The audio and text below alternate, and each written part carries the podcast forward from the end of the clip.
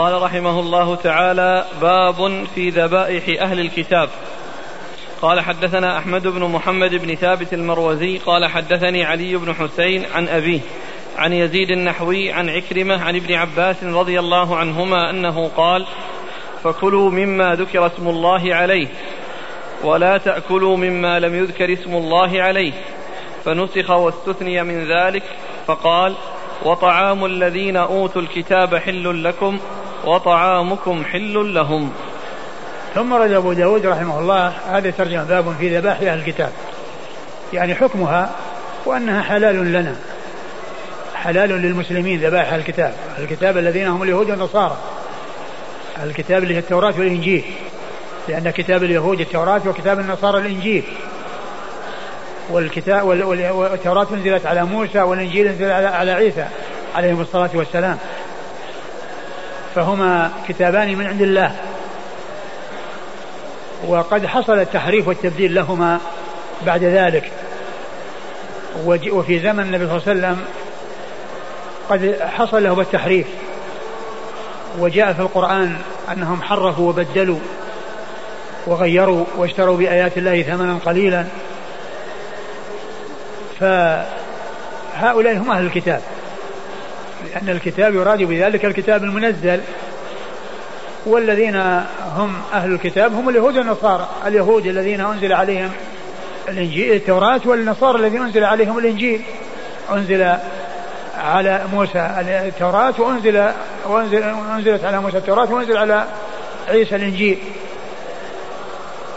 فأهل الكتاب ذبائحهم حلال لنا كما أن نساءهم حلال لنا. حلال للمسلمين. يأكلون ذبائحهم ويتزوجون نساءهم. ولا يتزوج أهل الكتاب من المسلمين. لا يتزوج المسلمة. الكتاب لا يتزوج المسلمة والمسلم يتزوج الكتابية. وقد جاء ذلك في القرآن. أورد أبو داود رحمه الله حديث ابن عباس. في قول الله عز وجل فكلوا ما ذكر اسم الله عليه ولا تأكلوا ما لم يذكر اسم الله عليه. قال ثم نسخ.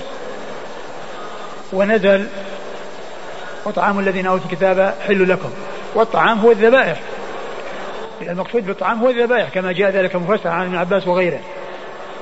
وليس المقصود به يعني ال ال ال الأشياء التي هي غير الذبائح مثل مثل الرز وغير ذلك من من الأطعمة لأن هذه يمكن أن تأتي من كل من كل جهة يعني أهل الكتاب وغير أهل الكتاب وإنما الذي الطعام الذي يعني أحل لنا من أهل الكتاب هو ذبائحهم. بخلاف الوثنيين وعباد الأوثان والمشركين هؤلاء لا يجوز أكل ذبائحهم. لا يجوز أكل ذبائحهم. أكل ذبائحهم حرام. وإنما اللي تحل ذبائحهم هم هم اليهود والنصارى اللي هم الكتاب. كما اللي تحل نساءهم للمسلمين اليهود والنصارى اللي هم الكتاب؟ ولا تحل نساء النساء المشركات اللي هم اللي هم غير أهل الكتاب وإن كان اليهود والنصارى كفار وهم مشركون. ولكن لكونهم ينتمون إلى كتاب ولكونهم ينتسبون إلى كتاب ويعني ويتبعون يعني آه، رسولا وإن كان اتباعهم للرسول بعد اتباعهم لرسولهم بعد بعثة الرسول صلى الله عليه وسلم لا تنفعهم شيئا ولا تغنيهم شيئا لأن الواجب هو اتباع نبينا محمد عليه الصلاة والسلام. كما قال كما قال عليه الصلاة والسلام والذي نفسي بيده لا يسمع بأحد من هذه الأمة يهودي ولا نصراني ثم لا يؤمن بالذي جئت به إلا كان من أصحاب النار. والحديث رواه مسلم في صحيحه. فال ال ال أمة محمد صلى الله عليه وسلم, أمتان. أمة دعوة وأمة إجابة. فأمة الدعوة كل إنسي وجني من حين بعثة الرسول صلى الله عليه وسلم إلى قيام الساعة. كل إنسي وجني من حيث بعث رسول الله عليه الصلاة والسلام إلى قيام الساعة فإنه من أمة محمد أمة الدعوة. وأما أمة الإجابة فهم الذين دخلوا في الدين وشهدوا أن لا إله إلا الله وأن محمد رسول الله صلى الله عليه وسلم. استجابوا للدعوة. لدعوة الرسول عليه الصلاة والسلام. فإذا الأمة أمتان أمة دعوة وأمة إجابة. فاليهود والنصارى هم من أمة الدعوة وليسوا من أمة الإجابة إلا إذا دخلوا في الدين في الدين الحنيف وشهدوا أن لا إله إلا الله وأن محمد رسول الله عليه الصلاة والسلام واستجابوا لشرع الله وقاموا بالتعبد طبقا لما جاء في شريعة الله عز وجل.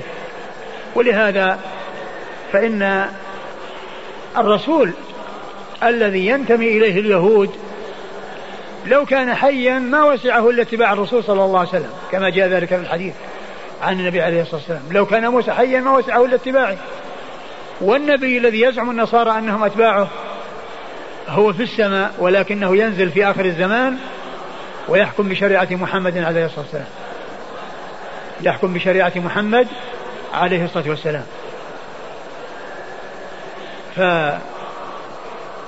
فاليهود والنصارى كفار ومشركون ولكن لكونهم ينتمون إلى دين جاء من عند الله وإلى كتاب أنزل من عند الله صار حكمهم يختلف عن حكم غيرهم. فجاءت شريعتنا بحل ذبائحهم. وقول ابن عباس رضي الله عنه ولا تأكلوا ما لم يذكر اسم الله عليه كل ما ذكر اسم الله عليه ونسخ ذلك فأحل أكل الذبائح. يعني وإن لم نعلم أنه ذكر اسم الله عليها أي أهل الكتاب يعني نأكل من ذبائحهم ولا نقول أنه لا نأكل إذا عرفنا أن هذا ذكروا. إذا لم نعرف أنهم ذكروا اسم غير الله فإنه يحل لنا أن نأكل. أما إن عرفنا أنهم ذكروا اسم غير الله على الذبيحة فلا يجوز الأكل منها. أما كوننا لم نعلم فإن الأصل أنها حل لنا. ولا يتوقف أكلنا من ذبائحهم على معرفة هل هم ذكروا الله أو ما ذكروا الله. وإنما هي ذبائحهم حل لنا ونحن نأكل ونسمي. يعني ولا يلزمنا أن نبحث هل ذكروا الله أو ما ذكروا ذكروا ذكروا الله. ولكننا إذا عرفنا أن الذبيحة ذكر فيها ذكر عليها اسم غير الله فإنها لا تحل. فإنها لا تحل. ولكن حيث جهلنا ولم نعلم فإن الأصل هو حل ذبائح مطلقة. لأن الله تعالى قال وطعام الذين أوتوا الكتاب حل لكم. نعم. قال حدثنا أحمد بن محمد بن ثابت المروزي. أحمد بن محمد بن ثابت المروزي ثقة أخرجه أبو داود. عن علي بن حسين. عن علي بن حسين بن واقد وهو صدوق له أوهام أخرج له. البخاري في الأدب المفرد ومسلم في المقدمة وأصحاب السنن. البخاري في الأدب المفرد ومسلم في المقدمة وأصحاب السنن. عن أبي. عن أبي حسين بن واقد وهو ثقة أخرج له, له أوهام. ثقة له أوهام أخرج له. البخاري تعليقا ومسلم وأصحاب السنن. البخاري تعليقا ومسلم وأصحاب السنن. عن يزيد النحوي. عن يزيد بن أبي سعيد النحوي. وهو ثقة. البخاري في الأدب المفرد أخرجه البخاري في الأدب المفرد ومسلم وأصحاب السنن المفرد وأصحاب السنن ما فيه مسلم؟ البخاري في الأدب المفرد وأصحاب السنن عن عكرمة. عن عكرمة هو ابن عباس وهو ثقة أخرج له أصحاب الكتب الستة. عن ابن عباس وهو عبد الله بن عباس بن عبد المطلب ابن عم النبي صلى الله عليه وسلم وأحد العباد له الأربعة من الصحابة وأحد السبعة المعروفين بكثرة الحديث عن النبي صلى الله عليه وسلم من أصحابه الكرام. رضي الله عنهم وأرضاهم. قال حدثنا محمد بن كثير قال أخبرنا إسرائيل قال حدثنا سماك عن عكرمة عن ابن عباس رضي الله عنهما في قوله وإن الشياطين ليوحون إلى أوليائهم يقولون ما ذبح الله فلا تأكلوا وما ذبحتم أنتم فكلوا فأنزل الله عز وجل ولا تأكلوا مما لم يذكر اسم الله عليه. ثم ورد أبو داود ابن عباس. نعم. أثر عن ابن عباس قال قال في قوله وإن الشياطين ليوحون إلى أوليائهم. في قوله وإن الشياطين ليوحون إلى أوليائهم. وإن الشياطين ليوحون إلى أوليائهم. هذا في يعني أراد بذلك تفسير يعني هذه الآية.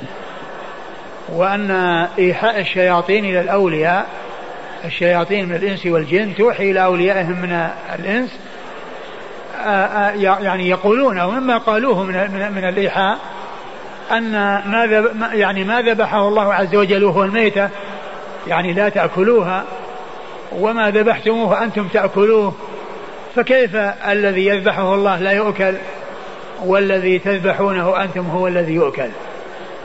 يعني يقولون على الميتة أنها ذبيحة الله الله الذي ذبحها وأماتها فلا فلا يحل لكم. هذا من وحي الشياطين إلى إخوانهم من الشياطين. من شياطين الإنس. يعني ليجادلوكم يعني قولوا لهم. يعني معناه يقولون قولوا لهم أنكم آه، تأكلون ما تذبحونه ولا تأكلون ما ذبحه الله. فأنزل الله عز وجل و ولا ولا تأكلوا مما لم ولا تأكلوا ما لم يذكر اسم الله عليه.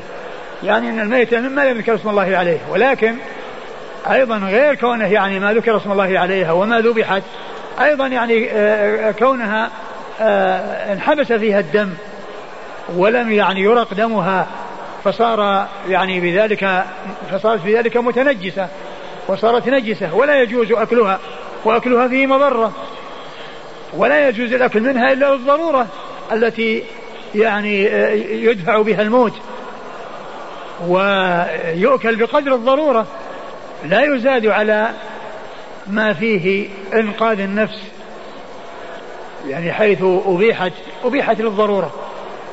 فيعني الميتة لم يذكر اسم الله عليها وأيضا آه، كونها يعني نجسة وكونها فيها ضرر فاجتمع فيها عدة محاذير. والحاصل أن هذا فيه تفسير لإيحاء الشياطين إلى إخوانهم. نعم. قال حدثنا محمد بن كثير. محمد بن كثير العبدي ثقة أخرج له أصحاب الكتب الستة. عن إسرائيل. عن إسرائيل وهو بن يونس بن أبي إسحاق ثقة أخرج له أصحاب الكتب الستة. عن سماك. عن سماك بن حرب وهو صدوق أخرجه البخاري تعليقا ومسلم وأصحاب السنن عن عكرمة عن ابن عباس. عن عكرمة عن ابن عباس وقد مر ذكرهما. هذا من رواية سماك عن عكرمة.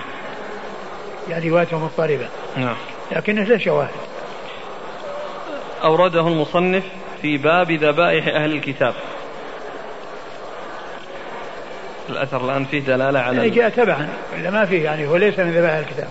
وإنما أورد أثرا بعده وفيه ذكر اليهود وهم أهل الكتاب ولكنه غير صحيح يعني ذكر ذكر اليهود فيه يعني غير صحيح لأن الآية أو السورة مكية واليهود ما حصلت المخاصمة معهم وما حصل يعني الاتصال بهم إلا في المدينة. والآية إنما هي سورة مكية. فهي تتعلق بالمشركين ولا تتعلق باليهود. والأثر هذا يتعلق بالمشركين. والذي بعده هو الذي يتعلق يطابق الترجمة. ولكن المقصود أنهم يعني تبعا يعني من حيث الحكم أو أنه ذكر ذكر حكم يعني تبعا. لا أن هذا يتعلق بأهل الكتاب.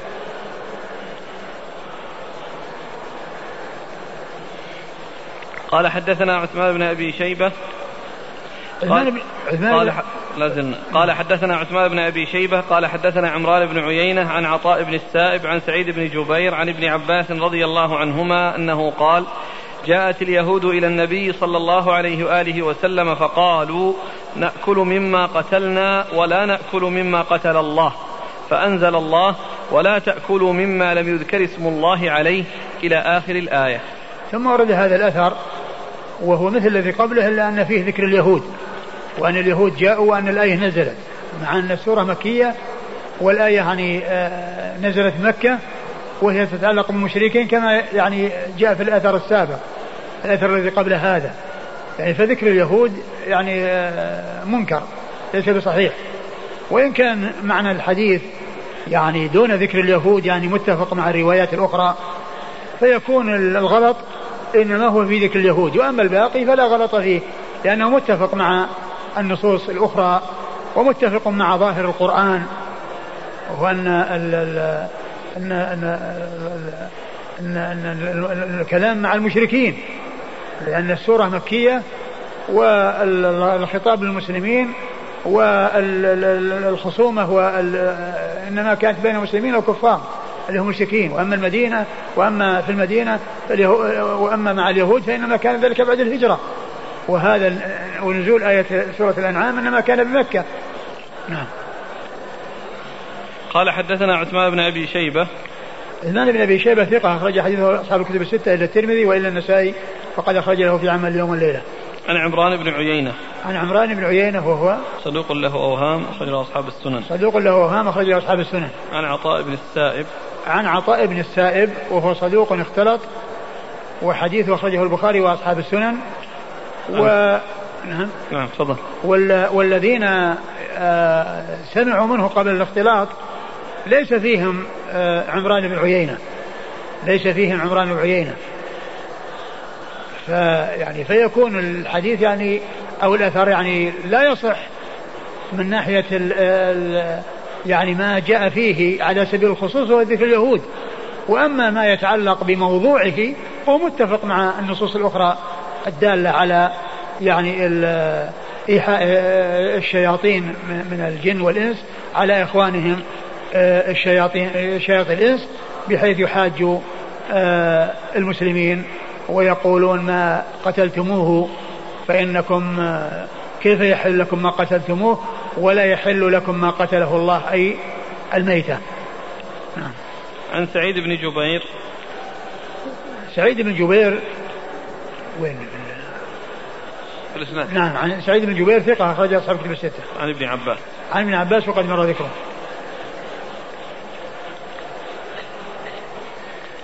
هذا سؤال من عشرة أو عشرين سؤال. نحن نعيش مع اليهود والنصارى في أوروبا ونشاهد أن البهائم تقتل بواسطة الكهرباء أو بالضرب بالعصا على رأس البهيمة حتى تموت. فهل بعد أن علمنا صفة قتلهم هل يشرع لنا أكل ذبائحهم؟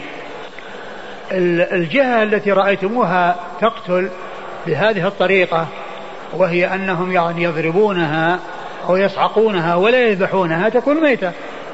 لكن إذا كانوا يصعقونها بمعنى أنها تخدر والهيجان والقوة التي فيها تذهب ولكنها تبقى على قيد الحياة ثم تذبح لا بأس بذلك.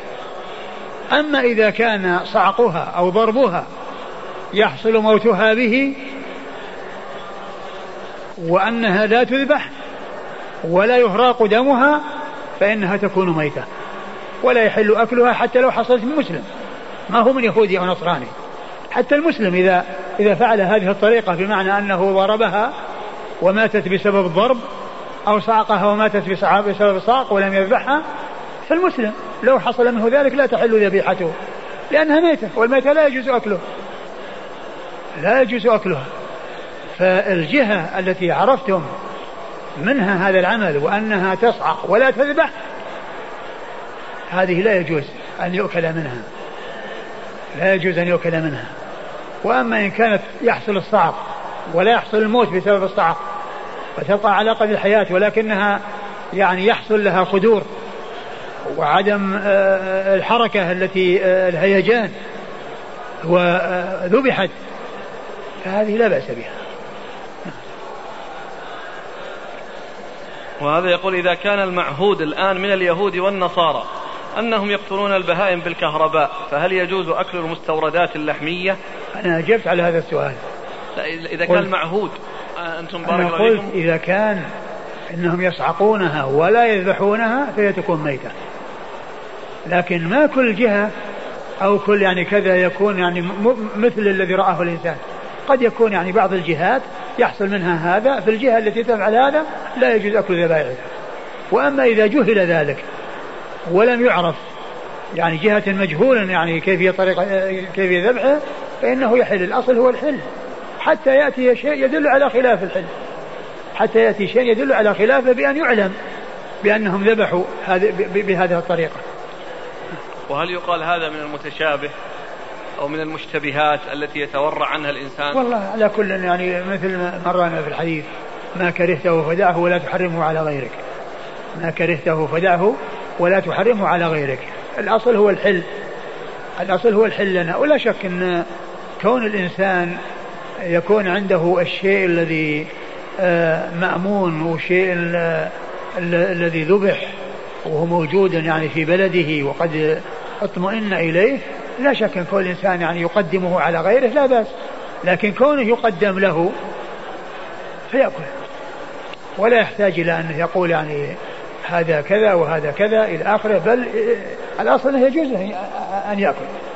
ولا يقال أنه حرام. ولكن كون الإنسان بين أمرين عنده دجاج آه، ذبح في في بلده وذبح مطمئن إليه وشيء يعني محتمل لا شك أنه يقدم هذا على هذا. لكن لا يمنع هذا ولا يقول هذا لا يؤكل. إلا إذا علم بأن الجهة التي جاء منها أنها تذبح ذبحا غير شرعي. السؤال الأخير. هل له أن يسأل إذا دخل على صاحب المطعم لا لا ما ينبغي. لا لا ما ينبغي أن يسأل. ما ينبغي أن يسأل. أبدا. قال رحمه الله تعالى باب ما جاء في أكل معاقرة الأعراب. قال حدثنا هارون بن عبد الله قال حدثنا حماد بن مسعدة عن عوف عن أبي ريحانة عن ابن عباس رضي الله عنهما أنه قال نهى رسول الله صلى الله عليه وآله وسلم عن معاقرة الأعراب. قال أبو داود اسم أبي ريحانة عبد الله بن مطر وغندر أوقفه على ابن عباس. ثم أورد أبو داود باب النهي. باب ما جاء في أكل معاقرة الأعراب. باب ما جاء في أكل معاقرة الأعراب. المعاقرة مفاعلة من العقر. من العقر وهو, وهو الذبح والنحر. والمقصود بالمعاقرة يعني المغالبة في العقر. يعني يتبارون ويتغالبون كل واحد يعني يظهر يريد أن يكون هو يعني آه، تفوق على غيره بالعقر بكثرة الع... بكثرة الذبح. يعني معناه أن الذبح المقصود به المغالبة. المسابقة والمنافسة. وأن يعني هذا غلب فلان. يتباريان وكل واحد يعني يريد أن يغلب الآخر فكل واحد يعقر يعني يزيد في العقر من أجل أنه يغلب الثاني. هذا هو المقصود بمعاقرة الأعراف. يعني الذي ينبني على عصبية وعلى مغالبة وعلى يعني يكون كل واحد يعني يريد أن يكون هو الذي فاق غيره في العقر في كثرة الذبائح هذا هو الذي المقصود من هذه الترجمة. وأورد أبو داود حديث حديث ابن عباس نعم. رضي الله عنه أنه قال نهى الرسول صلى الله عليه وسلم عن معاقرة الأعراب. يعني الذي الذبائح التي جاءت بهذه الطريقة أو التي حصلت بهذه الطريقة. لأنها يعني كأنها ذبحت لغير الله أو كأنها مما أهل به لغير الله لأن ما كان المقصود منها إلا المغالبة والمنافسة والتفوق على الغير. هذا هو المقصود من من الحديث وهو المقصود من الترجمة. نعم إيش قال؟ عن ابن عباس رضي الله عنهما قال نهى رسول الله صلى الله عليه وآله وسلم عن معاقرة الأعراب. قال أبو داود اسم أبي ريحانة عبد الله بن مطر وغندر أوقفه على ابن عباس. آه غندر يعني محمد بن جعفر يعني في لم يأتي في الطريق ولكنه أشار إلى طريق أخرى أنه موقوف على ابن عباس وأنه من كلام ابن عباس. والإسناد الذي أورده أبو داود مرفوع إلى رسول الله صلى الله عليه وسلم وأن الذي نهى عن ذلك رسول الله عليه الصلاة والسلام وليس من كلام ابن عباس وإنما هو مضاف إلى النبي عليه الصلاة والسلام. نعم. قال حدثنا هارون بن عبد الله. هارون بن عبد الله الحمال البغدادي ثقة أخرج له مسلم وأصحاب السنن. عن حماد بن مسعدة. عن حماد بن مسعدة وهو ثقة أخرج له أصحاب الكتب الستة. عن عوف. عن عوف بن أبي جميلة الأعرابي وهو ثقة أخرج له أصحاب الكتب الستة. عن أبي ريحانة. عن أبي ريحانة هو عبد الله بن مطر وهو صدوق له مسلم وأبو داود والترمذي وابن ماجه. صدوق له مسلم وأبو داود والترمذي وابن ماجه. عن ابن عباس. عن ابن عباس وقد مر ذكره. قال رحمه الله تعالى باب باب في الذبيحة بالمروة. قال حدثنا مسدد قال حدثنا أبو الأحوص قال حدثنا سعيد بن مسروق عن عباية بن رفاعة عن أبيه عن جده رافع بن خديج رضي الله عنه أنه قال أتيت رسول الله صلى الله عليه وآله وسلم فقلت يا رسول الله إنا نلقى العدو غدا وليس معنا مدى أفنذبح بالمروة وشقة العصا؟ فقال رسول الله صلى الله عليه وآله وسلم أرن أو اعجل ما أنهر الدم وذكر اسم الله عليه فكلوا ما لم يكن سنا أو ظفرا وسأحدثكم عن ذلك. أما السن فعظم وأما الظفر فمدى الحبشة. وتقدم به سرعان من الناس فتعجلوا فأصابوا من الغنائم. ورسول الله صلى الله عليه وآله وسلم في آخر الناس فنصبوا قدورا فمر رسول الله صلى الله عليه وآله وسلم بالقدور فأمر بها فأكفئت. وقسم بينهم فعدل بعيرا بعشر شياه وند بعير من إبل القوم ولم يكن معهم خيل فرماه رجل بسهم فحبسه الله. فقال النبي صلى الله عليه وآله وسلم إن لهذه البهائم أوابد كأوابد الوحش فما فعل منها هذا فافعلوا به مثل هذا. ثم ورد أبو داود باب في الذبح. في الذبيحة بالمروة. في الذبيحة في المروة. يعني أن الذبيحة تذبح بالمروة والمروة هي الحجارة حجارة. بيضاء ملسى آه، آه، يكون لها حد. فيذبح بها. المقصود بالمروة الحجارة الملسى التي تكسر فيكون لها حد أو تكون من أصلها يعني فيها حد يعني بحيث أنها تمر على حلق الذبيحة فتقطعها. هذا هو المقصود بالمروة. المروة يعني معناه وسيلة الذبح يعني غير السكين. التي تصنع من الحديد.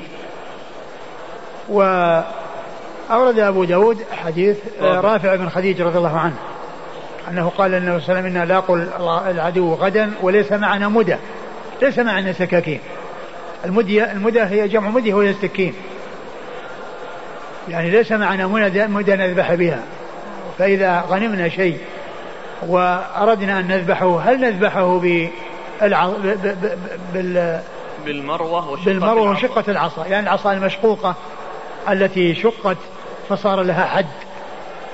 هل نذبح بالمروة وبشقة العصا؟ وقوله بالمروة هذا محل الشاهد للترجمة الذي هو الحجارة الملساء. قيل إنها هي التي يقدح فيها بالنار لأن هذا النوع من الحجر أو الحجارة التي هي يعني بيضاء ملساء إذا قدح بين حجرين بحيث ضرب واحد بالثاني حصل قدح نار. فيجعلون يعني شيء يعني خرقة أو شيء يعني عند القدح يعني يعلق به فيشعلون النار بسبب ذلك. يشعلون النار بذلك حيث ما يكون عندهم. يقدح يعني يقدحون بين الحجرين. هذا النوع من الحجارة التي هي المرو الأبيض يعني يضربون واحد بالثاني فيقطع شرر. وذلك الشرر يجعلون شيء يعني متصل به بحيث يعلق بهذا وتحصل النار. فليس معنا مدى فهل نذبح بالمروة وشقة العصا؟ فالنبي صلى الله عليه وسلم أعطى قاعدة عامة وهذا من جوامع كلمة صلى الله عليه وسلم. لأنه ما قال يعني بهذا أو بهذا قال كل ما أنهر الدم وذكر اسم الله عليه فكل. كل شيء ينهر الدم. يعني سواء كان حجر أو كان عصا أو خشب حاد. يعني ليس الأمر مقصورا بالحديث. واستثنى من ذلك المرو العظم والظفر. السن. والظفر. السن والظفر. وعلل ذلك بأن السن عظم. والعظم سواء كان يعني سنا أو غير أو غير سن. لأن لكونه علل بأنه عظم دل على أن العظام لا يذبح بها. ولعل السبب في ذلك كما قال بعض أهل العلم أنها طعام الجن. لأن الجن يعني إنه جاء لا يستنجى بعظم ولا بروث لأن العظام هي طعام الجن لأن الله يجعل عليها لحم فيأكلون منها والروث يعني علف لدوابهم دواب الجن. فلا يعني آه، يذبح بها لأنها إذا ذبحت لوثت لوثت بالدم وهي طعام الجن. فهذا هو السبب الذي لعل هذا هو السبب الذي من أجله منع الذبح بالعظم. وكذلك الظفر قال إنه مدى الحبشة وفي ذلك تشبه بالكفار لأنهم يذبحون بالظفر. يعني يطيلون الأظفار وي يعني يبقونها ويتخذونها للذبح. أيضا ذلك لا يجوز. ولهذا قال ما أنهر الدم وذكر اسم الله عليه فكل ليس السن والظفر. يعني إلا هذا وإلا هذا. فالرسول صلى الله عليه وسلم ما سئل عن المروة وعن شقة العصا أتى بشيء أوسع. يشمل هذا وغيره. كل ما أنهر الدم ما عدا هذا وهذا. وهذا من جوامع كلمة صلى الله عليه وسلم. وهذا من كمال بيانه وفصاحته وبلاغته عليه الصلاة والسلام. وهو أفصح الناس وأنصح الناس للناس صلوات الله وسلامه وبركاته عليه. سئل عن شيء محدد معين فأجاب بما يشمله ويشمل غيره. فأجاب بما يشمله ويشمل غيره بهذا اللفظ العام. كل ما أنهر الدم كل ما أنهر الدم ما عدا أن يكون سنا أو يكون ظفرا. نعم إشكال وتقدم به سرعان من الناس فتعجلوا فأصابوا من الغنائم. ورسول الله صلى الله عليه وآله وسلم في آخر الناس فنصبوا قدورا. فمر رسول الله صلى الله عليه وآله وسلم بالقدور فأمر بها فأكفئت. ثم قال تقدم سرعان من الناس. فأصابوا غنائم وبادروا إلى طبخها وذبحها والطبخ. وهذا لا يحل لهم لأن الغنائم يعني تمسك ويحتفظ بها حتى تقسم ويعرف كل النصيبة. فهؤلاء أقدموا على شيء لا يجوز لهم الإقدام عليه. فالرسول صلى الله عليه وسلم أكفأ القدور أكفأ القدور ويعني منعهم من استعمالها لأنهم أخذوا أو أقدموا على شيء يعني لا يخصهم وغنيمة لم تقسم فأكفأ القدور صلوات الله وسلامه وبركاته عليه ومنعهم من استعمال ذلك الشيء الذي ذبحوه لأنه ليس يعني لأنه لا يخصهم وفي ذلك عقوبة لهم. ثم وقسم بينهم فعدل فعدل بعيرا بعشر شياه. وقسم بينهم. يعني الغنائم. وكانت إبلا وغنما. فكان يجعل ال ال ال العشر الشياه تعادل بعير ولعل ذلك لكون الشياه يعني أنها يعني فيها نقص أو فيها ضعف. والإبل كانت يعني قوية وكانت سمينة ومعلوم أن هذه حقوق وقسمة وليست من قبيل الضحايا. الضحايا البدنة عن سبع والبقرة عن سبع. لا ينظر لكون الغنم سمينة والبقر يعني ليست كذلك أو العكس. وإنما هذا يجزي عن كذا وهذا يجزي عن كذا بصرف النظر عن يعني آه، مقارنة هذا بهذا. لكن قسمة الحقوق لا بد فيها من العدل لا بد فيها من التساوي. فكانت تلك الغنم والإبل البعير الواحد يعني يكون غالي وعزيز ونفيس والغنم دون ذلك. فصارت عشر من الغنم تعادل بعيرا تعادل بعيرا لأن هذه قسمة حقوق ولا بد من العدل في قسمة الحقوق لا بد من التساوي. ما هي القضية؟ قضية أن هذا عن سبعة وهذا عن سبعة كما يكون في في, في, في الأضاحي والهدي وإنما هذه حقوق مشتركة. آه، عشر من الغنم تعادل بعيرا واحدا. نعم. ولد بعير من إبل القوم ولم يكن معهم خيل فرماه رجل بسهم فحبسه الله. فقال النبي صلى الله عليه وآله وسلم إن لهذه البهائم أوابد كأوابد الوحش فما فعل منها هذا فافعلوا به مثل هذا. قال وند بعير يعني شرد وهرب. ولم يكن معهم خيل يعني خيل يعني قوية يعني يلحق بها البعير بحيث يعني يمسك. يقول وكان ند بعير يعني هرب و لم يكن معهم خيل حتى يعني يلحقوه ويمسكوه. فرماه شخص بسهم فأصابه. قال فرماه شخص. نعم فرماه رجل بسهم فحبسه الله. فحبسه الله يعني رماه فحبسه الله يعني وقع. فالنبي صلى الله عليه وسلم قال إن لهذه البهائم أوابد كأوابد أوابد الصيد. فما فعل منها هكذا فافعلوا به هكذا. يعني إذا كان هرب ولم تتمكنوا من آه، مسكه وذبحه ذبحا شرعيا بلبته أو برقبة بحلقه فإن, تعامله معاملة الصيد. والصيد يعني كما هو معلوم إذا رمي وأصابه السهم بأي شيء وخرج منه الدم فإن يعني ذبحه وتذكيته يكون بذلك. فلو أنه وقع وأدرك وفيه حياة يعني تقطع يعني رقبته يذبح وإن مات قبل أن يوصل إليه فإنه يكون حلالا فإنه يكون حلالا لأنه لأن هذا هو الشأن في الصيد لأن هذا هو شأن الصيد.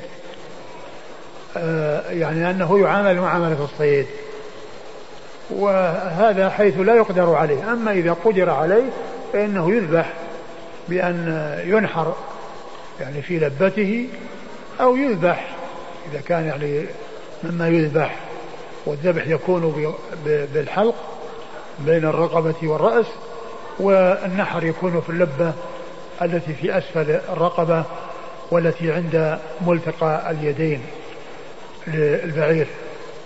نعم. في أوله أرن أو اعجل نعم أوله أوله أرن أو أعجل. يعني معناه أن أنه يعني يسرع ويعني في الذبح. ويكون يعني في خفة. يعني أرن يعني معناه من الخفة. والأعجل يعني أسرع. يعني بذبحه حتى يعني يحصل إراقة دمه وخروج روحه بسهولة من غير تعذيب. نعم. قال حدثنا مسدد مسدد بن مسرهد البصري ثقة أخرجه البخاري وأبو داود والترمذي والنسائي. عن أبي الأحوص عن أبي الأحوص سلام بن سليم الحنفي ثقة أخرج له أصحاب كتب الستة. عن سعيد بن مسروق. عن سعيد بن مسروق وهو والد سفيان الثوري. سعيد بن مسروق لأن سفيان الثوري سفيان بن سعيد بن مسروق هذا والده وهو ثقة أخرج له أصحاب كتب الستة. عن عباية بن رفاعة. عن عباية بن رفاعة بن رافع بن خديج وهو ثقة أخرج أصحاب الكتب. وهو ثقة أخرج أصحاب الكتب الستة. عن أبيه رفاعة وهو ثقة أخرجه البخاري وأبو داود والترمذي والنسائي. أخرجه البخاري وأبو داود والترمذي والنسائي. عن رافع بن خديج رضي الله تعالى عنه صاحب رسول الله صلى الله عليه وسلم وحديثه أخرجه أصحاب الكتب الستة. قال وتقدم به سرعان من الناس. وتقدم به سرعان من الناس يعني أنه تقدموا يعني الرسول كان في المؤخرة وهؤلاء في المقدمة ولما ظفروا بالغنائم بادروا إلى ذبحها وطبخها. الضمير وتقدم به. يعود. وتقدم, وتقدم به. سرعان من الناس. والله يمكن تقدم بالسير أو كذا. يعني قال الإمام أبو داود السجستاني رحمه الله تعالى تحت باب في الذبيحة بالمروة. قال حدثنا مسدد أن عبد الواحد بن زياد وحمادا حدثاهم. المعنى واحد. عن عاصم عن الشعبي عن محمد بن صفوان أو صفوان بن محمد رضي الله عنه قال اصطدت أرنب اصطدت أرنبين فذبحتهما بمروة. فسألت رسول الله صلى الله عليه وآله وسلم عنهما فأمرني بأكلهما. بسم الله الرحمن الرحيم. الحمد لله رب العالمين وصلى الله وسلم وبارك على عبده ورسوله نبينا محمد وعلى آله وأصحابه أجمعين. أما بعد فقد سبق في الدرس الماضي البدء بهذا الباب وهو باب الذبيحة بالمروة أي كون الذبح يكون بالمروة وهي الحجارة الملسى التي يكون لها حد يقطع ويذبح. وسبق أن مر أن الذبح يكون بكل شيء ينهر الدم ويسيله. سواء كان من الحديد أو من الخشب أو من أو من الحصى والحجارة حيث يكون حادا يحصل به القطع. وقد مر حديث في ذلك وهو أن النبي عليه الصلاة والسلام لما سئل عن الذبح بالمروة وشقة العصا قال ما أنهر الدم وذكر اسم الله عليه فكل ليس السن والظفر وعلى هذا فإنه يكون الذبح بكل آلة آه ليست عظما ولا ظفرا يعني لا يكون بالظفر ولا يكون بالعظم وسواء كان ذلك من الحديد أو من الحجارة التي كسرت وصار لها حد أو من الخشب الذي له حد. فإنه يكون الذبح به والنحر به. وقد أورد أبو داود حديث محمد بن صفوان رضي الله تعالى عنه أنه اصطاد أرنبين. قال اصطدت أرنبين يعني اصطدت أضرب أرنبين فذبحتهما بمروة أي بحجر أملس له حد يقطع. فسأل النبي عليه الصلاة والسلام فقال كلهما. فدل ذلك على أن الذبح بالحجارة التي لها حد أو بغير ذلك مما لم يكن عظما ولا ظفرا أن ذلك سائغ ولا بأس به. نعم. قال حدثنا مسدد. مسدد بن مسرهد البصري ثقة أخرج له البخاري وأبو داود والترمذي والنسائي. عن عبد الواحد بن زياد. عن عبد الواحد بن زياد وهو ثقة. نعم أخرج أصحاب الكتب أخرج أصحاب الكتب الستة. وحماد. وحماد بن سل بن زيد وهو ثقة أخرجه أصحاب الكتب الستة. إذا جاء مسدد يروي عن حماد غير منسوب فالمراد به حماد بن زيد. وهذا بخلاف حماد غير منسوب يروي عنه موسى بن إسماعيل الذي يمر بنا كثيرا فالمراد به حماد بن سلمة لأن هذا يعرف بالتلاميذ. والتمييز بين المبهم بين المهملات يكون بالتلاميذ. فمسدد يروي عن حماد بن زيد وموسى بن إسماعيل يروي عن حماد بن سلمة. فلهذا يأتي إهمال النسبة اعتمادا على أنه هو الذي عرف أنه من شيوخه. نعم. حدثاهم المعنى واحد. المعنى واحد يعني أن رواية حماد بن آه، حماد وعبد الواحد حماد وعبد الواحد يعني معناها واحد. نعم. لكن قالوا حدثاهم. يعني هو غيرهم يعني. يعني ومعهم غيرهم عن عاصم عن عاصم ابن سليمان الأحول ثقة أخرج له أصحاب الكتب الستة عن الشعبي عن الشعبي هو عامر بن شراحيل الشعبي ثقة أخرج له أصحاب الكتب الستة. عن محمد بن صفوان أو صفوان بن محمد. محمد بن صفوان أو صفوان محمد مختلف فيه هل هو محمد بن صفوان أو صفوان محمد والأشهر أنه محمد بن صفوان. وهو صحابي أخرج له مسلم وأصحاب السنن. أبو داود والنسائي بن ماجه. أخرجه أبو داود والنسائي بن ماجه. قال حدثنا قتيبة بن سعيد قال حدثنا يعقوب عن زيد بن أسلم عن عطاء بن يسار عن رجل من بني حارثة أنه كان يرعى لقحة بشعب من شعاب أحد فأخذها الموت فلم يجد شيئا ينحرها به فأخذ وتدا فوجأ به في, لب في لبتها حتى أهريق دمها. ثم جاء إلى النبي صلى الله عليه وآله وسلم فأخبره بذلك فأمره بأكلها. ثم ورد أبو داود حديث رجل من بني حارثة. رجل من بني حارثة رضي الله عنه أن أنه كان آه، يرعى لقحة وهي التي هي حديثة حديثة عهد بالولادة. فجاءها الموت ولم يجد وليس معه سكين فأخذ وتدا وهو الذي يكون من الخشب ويكون طرفه محدد فوجأ في لبتها به حتى أهراق أهراق دمها ونحرها بذلك الوتد الذي هو آه، من من الخشب الذي له حد. فدلنا وجاء وسأل النبي عليه الصلاة والسلام فأمره بأكلها. مثل الرجل مثل محمد بن صفوان الذي مر وقد ذبح الأرنبين بمروة وسأل النبي صلى الله عليه وسلم فأمره بأكلها. فدل على أن الذبح بكل شيء محدد يحصل به الذبح فأنه أن الذبح أن الذبح به يكون صحيحا ما لم يكن سنا ما لم يكن عظما أو ظفرا كما جاء ذلك مبينا في حديث رسول الله صلى الله عليه وسلم الذي أورده أبو داود رحمه الله في أول حديث في هذا الباب الذي هو الذبح بالمروة. نعم.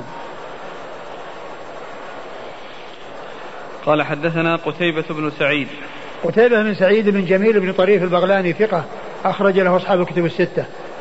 عن يعقوب. يعقوب بن عبد الرحمن القاري الإسكندراني وهو ثقة أخرج له. البخاري أصحاب الكتب إلا ابن ماجه. أخرج أصحاب الكتب الستة إلا ابن ماجه. عن زيد بن أسلم. عن زيد بن أسلم ثقة أخرج أصحاب الكتب الستة. عن عطاء بن يسار. عن عطاء بن يسار ثقة أخرج أصحاب الكتب الستة. عن رجل من بني حارثة. عن رجل من بني حارثة رضي الله عنه وهو صحابي. والمجهول في الصحابة حكمه هو كلمة هو في في في حكم المعلوم والجهالة فيهم لا تؤثر وإنما تؤثر في من سواهم ومن دونهم من التابعين ومن دون التابعين. هؤلاء هم الذين تؤثر الجهالة فيهم. وأما الصحابة فإنهم عدول بتعديل الله عز وجل لهم فالمجهول فيهم في حكم معلوم رضي الله تعالى عنهم وأرضاهم. قال حدثنا موسى بن إسماعيل قال حدثنا حماد عن سماك بن حرب عن مري بن قطري عن عدي بن حاتم عن مري. عن مري بن قطري عن عدي بن حاتم رضي الله عنه أنه قال قلت يا رسول الله أرأيت إن أحدنا أصاب صيدا ولم يكن وليس معه سكين أيذبح بالمروة وشقة العصا؟ فقال أمر الدم بما شئت. واذكر اسم الله واذكر اسم الله عز وجل. ثم ورد أبو داود حديث عدي بن حاتم. حديث عدي بن حاتم رضي الله عنه. أنه قال إن أحدنا يكون يعني معه الصيد وليس معه سكين. أيذبحه بالمرو بالمروة وشقة العصا؟ يعني بالمروة التي لها حد وشقة العصا التي هي التي يكون لها حد. وقد سبق في الحديثين السابقين حديث محمد بن صفوان الذبح بالمروة وسأل النبي صلى الله عليه وسلم وأجابه بأن يأكلها وفي الثاني الوتد وهو من الخشب والرجل من بني حارثة وأنه نحر اللقحة به واستفتى رسول الله صلى الله عليه وسلم فأمره بأن يأكلها. وهنا الرسول صلى الله عليه وسلم لما سأله عن عدي بن حاتم لما سأله عدي بن حاتم رضي الله عنه أن أن الواحد يكون في الصيد فلا يكون معه سكين أينحر بالمروة وشق وشق العصا؟ فقال فقال أمر الدم بما شئت. قال أمر الدم يعني أسل الدم. أمر الدم أو أمر الدم بما شئت أي أسله بما شئت. ولكن هذا الإطلاق مقيد بما تقدم من الحديث وهو أنه ليس لا يكون في ذلك عظم ولا يكون في ذلك ظفر. فيكون يعني هذا الإطلاق مقيد فيما مضى من أن الذبح بالعظم لا يكون لا, لا يسوغ وكذلك الذبح بالظفر أنه لا يسوغ. أمر الدم أو أمر الدم بما شئت و... واذكر اسم الله عليه. نعم. قال حدثنا موسى بن إسماعيل. موسى بن إسماعيل التبوذكي البصري ثقة أخرج له أصحاب كتب الستة. عن حماد. عن حماد وهو بن سلمة بن دينار البصري ثقة. أخرج له أصحاب كتب الستة. حماد. أحمد بن سلمة أحمد بن سلمة. أخرج له. نعم أخرجه البخاري تعليقا ومسلم وأصحاب السنن. عن سماك بن حرب. عن سماك بن حرب وهو, وهو صدوق أخرجه البخاري تعليقا ومسلم وأصحاب السنن. عن مري بن قطري. عن مري بن قطري وهو مقبول. نعم. أخرج له. أصحاب السنن أخرج له أصحاب السنن عن عدي بن حاتم. عن عدي بن حاتم رضي الله عنه صاحب رسول الله صلى الله عليه وسلم وحديثه أخرجه أصحاب الكتب الستة. قال رحمه الله تعالى باب ما جاء في ذبيحة في ذبيحة المتردية. قال حدثنا أحمد بن يونس قال حدثنا حماد بن سلمة عن أبي العشراء عن أبيه رضي الله عنه أنه قال يا رسول الله أما تكون الزكاة إلا من اللبة أو الحلق؟ قال فقال رسول الله صلى الله عليه وآله وسلم لو طعنت في فخذها لأجزأ عنك. قال أبو داود وهذا لا يصلح إلا في المتردية والمتوحش. ثم أورد أبو داود هذا ترجمة باب ما جاء في ذبيحة المتردية. ما جاء في ذبيحة المتردية. يعني كيف تذبح المتردية؟ والمتردية هي التي سقطت في بئر ولم يوصل إلى حلقها أو يعني لم يوصل إلى حلقها أو لبتها التي في أصل العنق. ولو تركت لماتت. فإنه يجوز أن يطعن في فخذها وفي الشيء البارز منها ويكون ذلك تذكية. وهذا مثل الصيد. فإنه يرمى بالسهم فيصيبه في أي مكان منه فيسيل دمه فيكون حلالا بذلك فيكون حلالا بذلك. وسبق أن مر الحديث الأول في باب الذبح بالمروة وأن أنه ند بعير ولم يكن هناك خيل فرماه آه، أحدهم بسهم فحبسه فالنبي صلى الله عليه وسلم أقرهم على ذلك وقال إن في البهائم أوابد كوابد الصيد فما فما فما فعل منها هكذا فافعلوا به هكذا. يعني ما فعل هكذا يعني شرد وهرب ولم تستطيعوا إمساكه بحيث تذبحونه ب آه، يعني بحلقه أو أو لبته. افعلوا به هكذا يعني يرمى بسهم فإذا سقط فإنه يكون حكم حكم الصيد. وشأن شأن الصيد الذي لا يقدر على على على على ذبحه إلا بهذه الطريقة. لكنه إذا وقع وأدرك وفيه حياة يتعين ذبحه لكنه إن خرجت روحه بهذه الإصابة التي حصلت في فخذه أو في أي مكان منه وسال الدم فإنه يكون حلالا بذلك. إلحاقا له بالصيد وكذلك النص ورد فيه كما ورد في الصيد. وذلك في الأوابد في الحديث الذي مر. والمتردية كذلك لأنها مثل الذي آه، الذي ند حيث لا يمكن الوصول إلى حلق الذبيحة بحيث تذبح ذبحا يعني ذبح المشروع فإنها تضرب في فخذها أو في أي مكان منها وتكون مثل الصيد. وتكون مثل الذي ندى. والإمام أبو داود رحمه الله أورد حديث آه والد أبو العشرة أسامة بن مالك يعني آه أبو العشرة أسامة بن مالك و آه وأنه سأل ألا سأل أيكون أما تكون الزكاة إلا من اللبة أو الحلق؟ أما تكون الزكاة إلا باللبة أو الحلق؟ يعني هل تكون الزكاة مقصورة على الذبح في هذين المكانين وهي الحلق يعني الذي يفصل الرأس من الرقبة أو في اللبة التي في أصل الرقبة والتي عند ملتقى الرقبة باليدين؟ ملتقى اليد اليدين بالرقبة هذه اللبة والتي يكون بها النحر. ويكون ذلك للإبل فإنها تنحر في لبتها. والبقر والغنم تذبح مع في حلقها وفصل الرأس من الرقبة. ويجوز نحر ما يذبح وذبح ما ينحر. يعني يجوز أن البعير يذبح مع رقبته مع حلقه. ويجوز أن البقرة يعني تنحر مع لبتها التي هي عند ملتقى الرقبة مع اليدين. ولكن الأصل أن النحر يكون للإبل ويكون في اللبة ويجوز الذبح مع مع حلقها. والأصل أن البقر والغنم تذبح مع حلقها ويجوز نحرها مع لبتها التي هي ملتقى الرقبة باليدين. الرسول صلى الله عليه وسلم لما سأله قال إذا إذا إذا, إذا لو طعنت في فخذها لأجزأ عنك.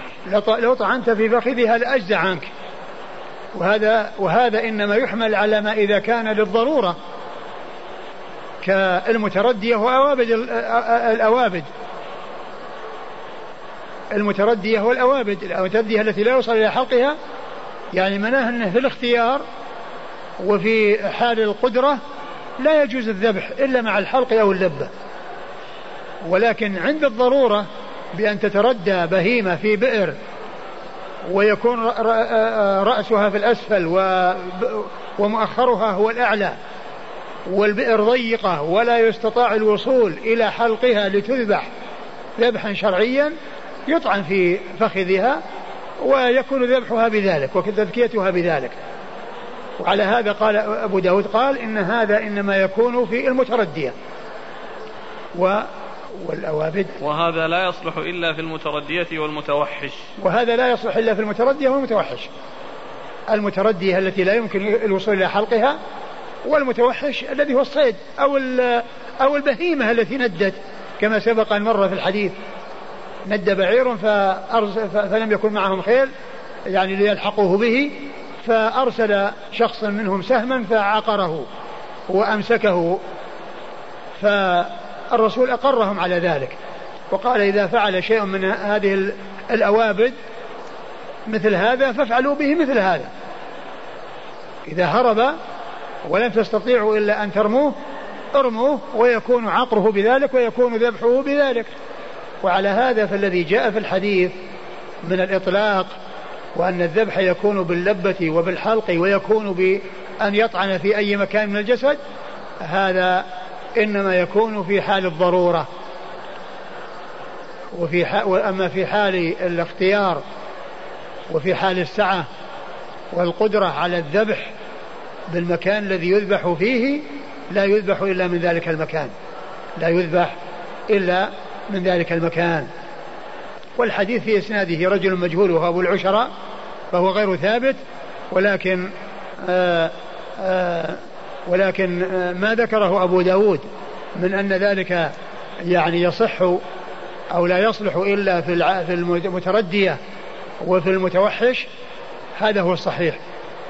ولا يجوز أن يذبح غير متوحش بمعنى يكون البعير عند الإنسان أو البقرة عند الإنسان ثم يأتي ويطعن في في في فخذها يذكيها بذلك. لا يجوز ذلك. وإنما يجوز في حال الضرورة بهرب وشرد ولم يستطع الوصول إليه إلا بأن يرمى حتى يقع ويموت بذلك أو يدركونه وهو في حياة مستقرة فيذبحونه مع اللبة أو الرقبة نعم. قال حدثنا أحمد بن يونس أحمد بن يونس ثقة أخرج أحمد بن عبد الله بن يونس ثقة أخرج له أصحاب الكتب الستة. عن حماد بن سلمة عن أبي العشراء. عن حماد بن سلمة مر ذكره أبو العشراء هو أسامة بن مالك وهو مجهول أخرج له أصحاب السنن. أخرج له أصحاب السنن. عن أبيه. عن أبيه وهو صحابي أخرج له أصحاب السنن. أخرج له أصحاب السنن. والإسناد رباعي من الرباعيات عند أبي داود ولكن آه في إسناده من هو رجل من هو مجهول فلا يصح وعلى هذا فلا يعني يعول على ما فيه من جواز الذبح بأي مكان غير الحلق واللبة وإنما آه، يحمل ما فيه على المتوحش والمتردية.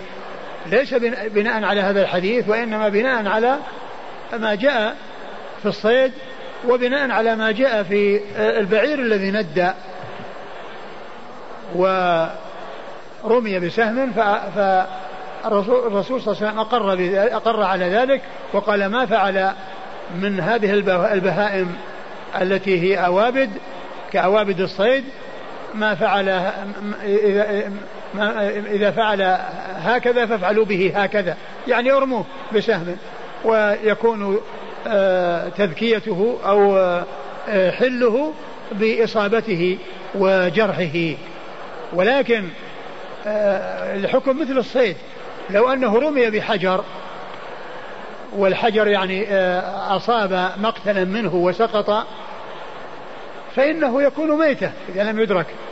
لأن مثل الصيد الصيد لو لو, لو رمي بالعرض بالمعراض ومات بسبب الثقل وليس بسبب الحد. فإنه لا يحل لأنه يكون ميتة موقوذ وقيذة. يعني كونه يعني يرميه بعرض بعرض الرمح ويموت بالثقل لا يحل. وأما إذا أصابه الحد وسال منه الدم فهذا هو الذي يحل. أخونا يسأل ما معنى المتردية؟ المتردية التي سقطت في بئر. سقطت في بئر. أو تردى يعني من, من, من وأيضا يطلق على ما تردى من جبل. ولكنه إذا أدرك ويذبح مع رقبته ولبته. ولكن الذي يجوز مع غير الرقبة والحلق واللبة هو أن تسقط في بئر ويكون آه، رقبتها في الأسفل ومؤخرها في الأعلى.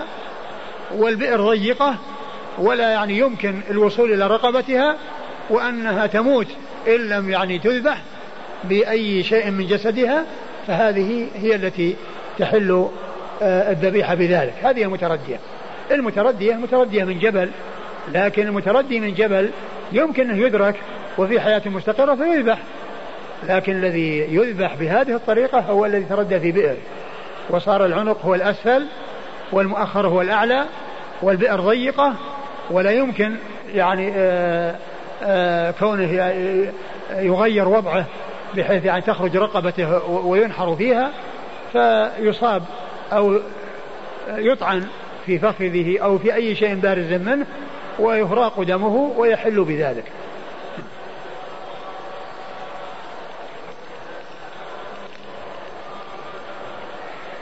قال رحمه الله تعالى باب في المبالغة في الذبح.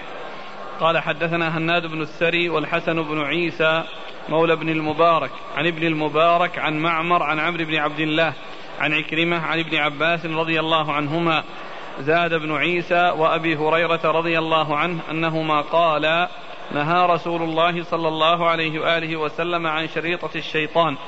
زاد ابن عيسى في حديثه وهي التي تذبح فيقطع الجلد وتفرى الأوداج ثم تترك حتى تموت. إيش؟ يقطع الجلد؟ وهي التي تذبح فيقطع الجلد ولا تفرى الأوداج ثم تترك حتى تموت.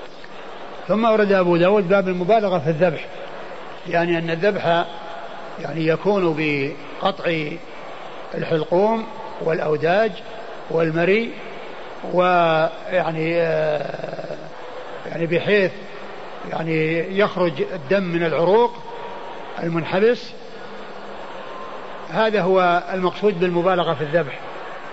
وأورد أبو داود حديث من هو؟ ابن عباس وأبي هريرة ابن عباس وأبي هريرة رضي الله عنهما أن الرسول صلى الله عليه وسلم نهى عن شريطة الشيطان.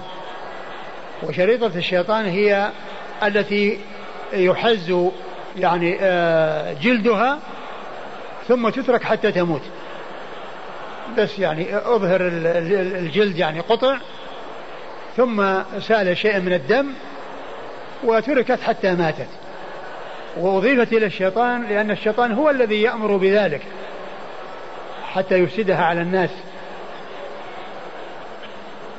فلا بد من قطع الحلقوم والأوداج والعروق المحيطة يعني بالرقبة والتي يسيل منها الدم حتى يخرج الدم المنحبس. حتى يخرج الدم المنحبس في ويسيل. فتحل بذلك. فالرسول نهى عن شريطة الشيطان وسمي شريطة لأنه من الشرط وهو الشق يعني بالمشرط. وهو الشرط بالمشرط وهو يعني كون الجلد يعني آه، يقص جزء منه فيسيل الدم.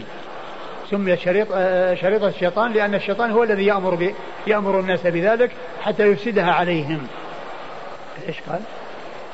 وهي أن نهى رسول الله صلى الله عليه وآله وسلم عن شريطة الشيطان. زاد ابن عيسى في حديثه وهي التي تذبح فيقطع الجلد ولا تفرى الأوداج. يقطع الجلد ولا تفرى الأوداج. يعني ما ما يحصل إلا أنه قطع الجلد فقط فسال الدم منه وتركت حتى ماتت. ولا تفرى الأوداج التي هي العروق التي محيطة بالرقبة. حديث.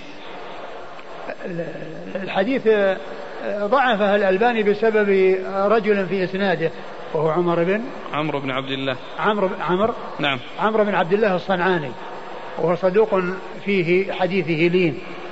صدوق في حديثه لين. نعم.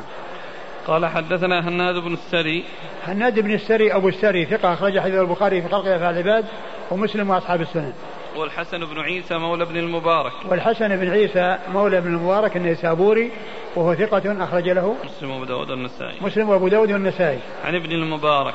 عن ابن المبارك عبد الله بن المبارك المروزي وهو ثقة أخرج له أصحاب الكتب الستة. والذي قال عنه الحافظ في التقريب آه، ثقة إمام فقيه جواد مجاهد جمعت فيه خصال الخير. جمعت فيه خصال الخير. عن معمر. عن معمر بن راشد الأزدي البصري ثم اليماني وهو ثقة أخرج له أصحاب كتب الستة. عن عمرو بن عبد الله. عن عمرو بن عبد الله الصنعاني وهو صدوق في حديثه لين أخرج حديثه أبو داود. أبو داود. عن عكرمة. عن عكرمة مولى بن عباس وهو ثقة أخرج أصحاب كتب الستة. ابن عباس عن ابن عباس عبد الله بن عباس بن عبد المطلب بن عم النبي صلى الله عليه وسلم وأحد العباد الأربعة من الصحابة وأحد السبعة المعروفين بكثرة الحديث عن النبي صلى الله عليه وسلم وأبو هريرة نعم زاد بن عيسى أبي هريرة زاد بن عيسى الذي هو شيخ أبي داود الثاني آه، زاد أبا هريرة أي أنه من طريق آه، إيش اسمه؟ ما اسمه؟ حسن الحسن بن عيسى. نعم. شيخه الثاني آه، شيخين ابن عباس وابو, وأبو هريرة. ذكر ذكر صحابيين أو رواه عن صحابيين. وأما الشيخ الأول الذي هو هناد بن السري. هناد بن السري فرواه عن صحابي واحد وهو ابن عباس. وأبو هريرة هو عبد الرحمن بن صخر الدوسي صاحب رسول الله صلى الله عليه وسلم وأكثر أصحابه حديثا على الإطلاق رضي الله عنه وأرضاه. الباب باب في المبالغة في الذبح. نعم.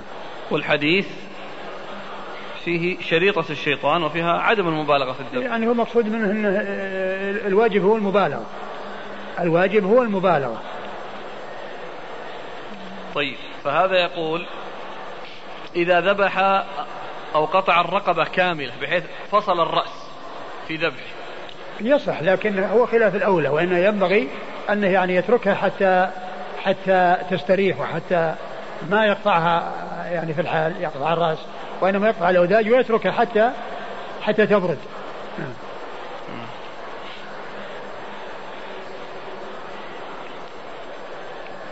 قال رحمه الله تعالى باب ما جاء في ذكاة الجنين. قال حدثنا القعنبي قال حدثنا ابن المبارك قال حا وحدثنا مسدد قال حدثنا هشيم عن مجالد عن أبي الوداك عن أبي سعيد رضي الله عنه أنه قال سألت رسول الله صلى الله عليه وعلى آله وسلم عن الجنين فقال كلوه إن شئتم. وقال مسدد قلنا يا رسول الله ننحر الناقة ونذبح البقرة والشاة فنجد في بطنها الجنين أنلقيه أم نأكله؟ قال كلوه إن شئتم فإن ذكاته ذكاة أمه. ثم أورد أبو داود باب ذكاة الجنين. الجنين وهو الذي يكون في البطن. وقيل له الجنين لأنه آه لأنه يعني استتر واجتن يعني في البطن. لأنه مستتر يعني في البطن. يقال له الجنين. والجنين ذكاته ذكاة أمه. يعني ذكيت ذكيت الشاة وبعدما تركوها يعني حتى بردت وسلخوها فوجدوا في بطنها جنينا. لا يحتاج إلى إلى أنه يذبح وأنه يتعين ذبحه. نعم إن كان آه، وجدوه في حياة يذبحونه. وأما إن وجدوه ميتا فإنه حلال لأن ذكاة الجنين ذكاة أمه. كما جاء بذلك الحديث عن رسول الله صلى الله عليه وسلم. فإذا ذكيت فإن التذكية تسري على كل ما ما على جميع أجزائها وهو من أجزائها. وهو من أجزائها. لكن إن أدرك وجد في حياة مستقرة يتعين ذبحه. ولا يترك حتى يموت. ولا يترك حتى يموت بل يتعين ذبحه. ولكن إن وجد ميتا فإن ذكاة الجنين ذكاة أمه. ولا يحتاج إلى ذكاة ولا يحتاج إلى ذكاة يعني حيث وجد ميتا. إيش قال في المتن؟ عن أبي سعيد. نعم. لا لا الحديث. عن أبي سعيد رضي الله عنه قال سألت رسول الله صلى الله عليه وآله وسلم عن الجنين فقال كلوه إن شئتم. قال قال أبو سعيد سألت رسول الله صلى الله عليه وسلم عن الجنين فقال كلوه إن شئتم. يعني معناه أنه أن أكله سائغ وأنه لا بأس به. وهنا لا تعرض فيه لقضية الزكاة. ثم بعد ذلك؟ وقال مسدد قلنا يا رسول الله ننحر الناقة ونذبح البقرة والشاة فنجد في بطنها الجنين. وقال مسدد يعني في روايته أبو سعيد يعني يروي ولكن منه الشيء اللي معه الثاني أبو القعنبي القعنبي يعني الرواية اللي ذهبت وليس فيه ذكر الذبح وذكر الزكاة رواية القعنبي وأما رواية مسدد عن أبي سعيد من حديث أبي سعيد قال أبو سعيد وقال مسدد قلنا يا رسول الله ننحر هذا الذي يقوله أبو سعيد لأنه هو الراوي. ننحر الناقة ونذبح البقرة والشاة فنجد في بطنها الجنين. أنلقيه أم نأكله؟ هنا عبر بالذبح والنحر قال ننحر البدنة ونذبح البقرة.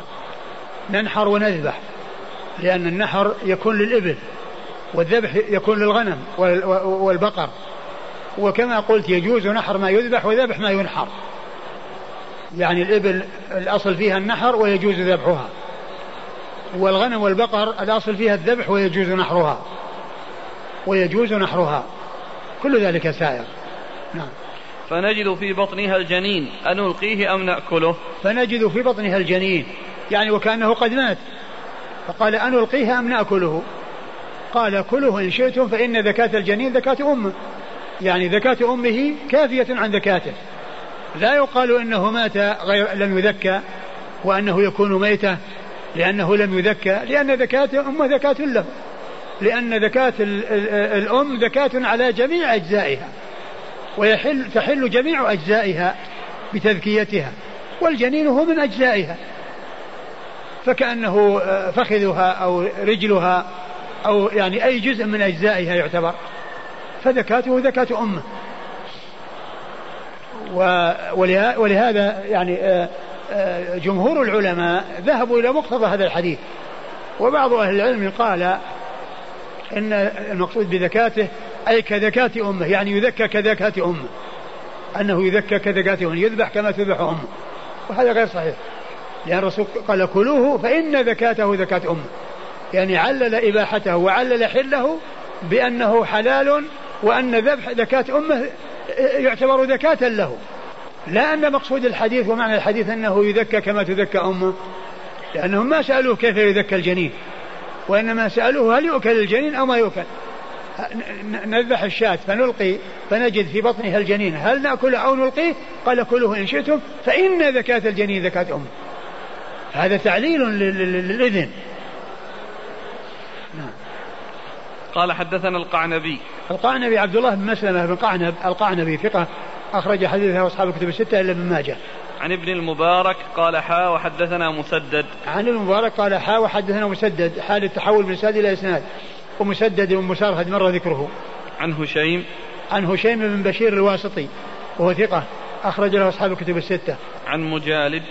عن مجالد بن سعيد وهو ليس بالقوي. وهو ليس بالقوي أخرج له مسلم وأصحاب السنن. أخرجه مسلم وأصحاب السنن. عن أبي الوداك. عن أبي الوداك وهو جبر بن نوف ابن نوف الهمداني صدوق يهم. أخرج له مسلم. جبر بن نوف الهمداني صدوق يهم أخرج له مسلم وأصحاب السنن. وأصحاب السنن. عن أبي سعيد. عن أبي سعيد الخدري وهو سعد بن مالك بن سنان صاحب رسول الله صلى الله عليه وسلم وهو مشهور بكنيته أبو سعيد وبنسبته الخدري وهو أحد السبعة المعروفين بكثرة الحديث عن النبي صلى الله عليه وسلم. إسناد الإسناد فيه مجالد ولكن يعني له شواهد. نعم. الحديث له شواهد.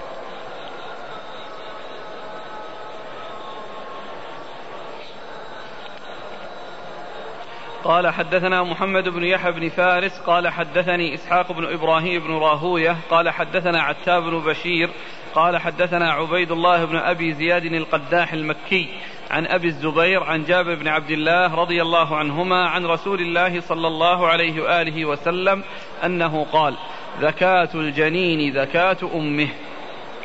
ثم ورد أبو داود حديث جابر رضي الله عنه أن النبي صلى الله عليه وسلم قال زكاة الجنين زكاة أمه. أي أنه لا يحتاج إلى أن يذكى إذا وجد ميتا. ولكن إن وجد حيا أو به حياة فإنه يذكى مثل الصيد. إذا أصيب بسهم إن مات بالإصابة فهو حلال. وإن أدرك وفي حياة تعين ذبحه وإلا حرم. تعين ذبحه وإلا حرم.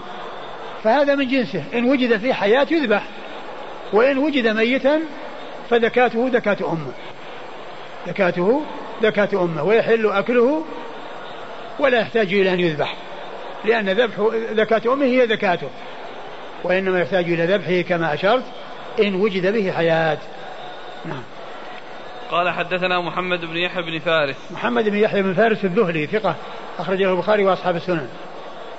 عن إسحاق بن إبراهيم بن راهوية إسحاق بن إبراهيم بن راهويه هو ثقة وهو ثقة آه، من آه، ثقة فقيه.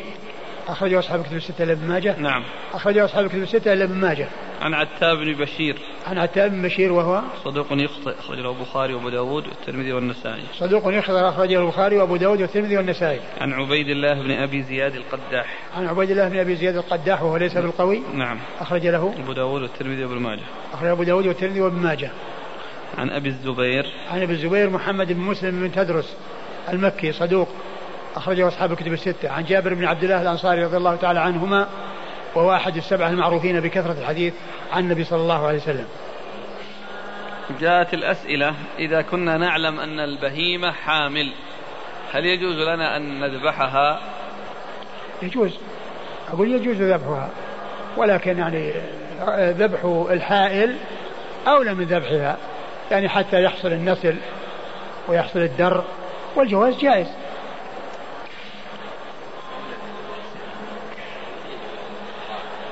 نعم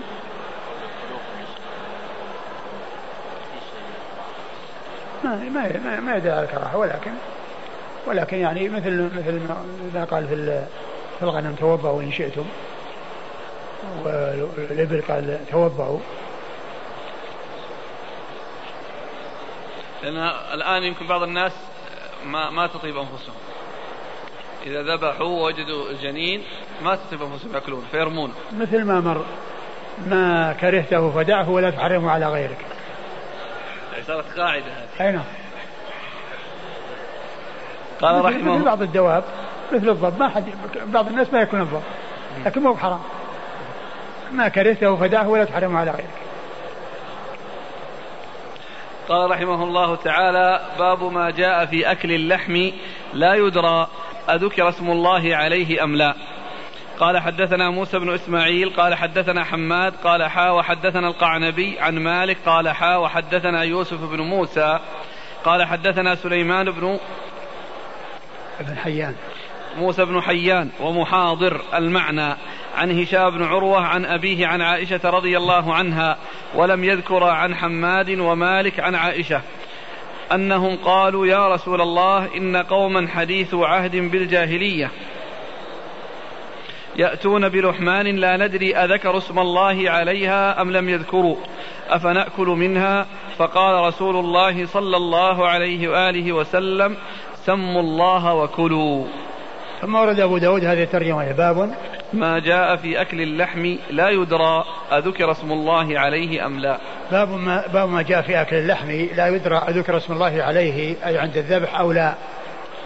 آه المقصود من هذه الترجمة أن أن أنه لا يسأل ولا يعني آه يعني آه يشدد أو يحصل التشدد لأنه لا بد أن يعرف هل سمي عليه آه، سمي عليه عند الذبح أو لا وإنما يعني يجوز الأكل. يجوز الأكل منها إذا جهل هل التسمية حصلت أو ما حصلت فالأصل أنها تؤكل الذبيحة. ولا يترك أكلها نتيجة لكونه لم يتحقق أنه ذكر اسم الله عليها.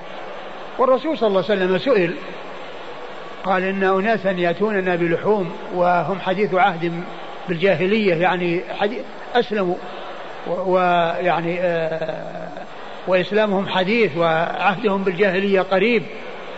لا ندري أذكروا اسم الله عليها أو لم يذكروا اسم الله عليها يعني ما كانوا في الجاهلية. أنهم يعني لا يذكرون يعني قد يكون أنهم يعني كحالتهم في الجاهلية. فالرسول قال سموا الله وكلوا. فدلنا هذا على أنه لا يلزم أو أن الإنسان لا يسأل هل سمي اسم الله عليه ذكر اسم الله أو لم يذكر. كما أنه أيضا لو فتح هذا الباب فيما يتعلق بالسؤال يمكن أيضا يسأل هل الذابح ممن يحل ذبحه أو لا. وهل ذبح بآلة يعني آه، يكون الذبح بها أو لا؟ فتأتي أسئلة يعني آه، لا حاجة إليها. فالأصل هو السلامة ولا يصار إلى التشدد ال يعني ال الإتيان بأسئلة لا يعني لا حاجة إليها. النبي صلى الله عليه وسلم أجاب بالجواب الفصل في ذلك وهو أن أنهم يأكلون هم ويسمون. يعني يأكلون يسمون عند أكلهم. ليست تسمية يعني بدلا من ال بدلا من ال من تلك الذي حصلت عن الذبح هل حصلت ولا ما حصلت. لأن الحكم بين بأنه سائغا يؤكل. وأنتم سموا الله يعني عند الأكل. ك كما هو الشأن في أن الآكل يعني يستحب له عند الأكل أن يسمي.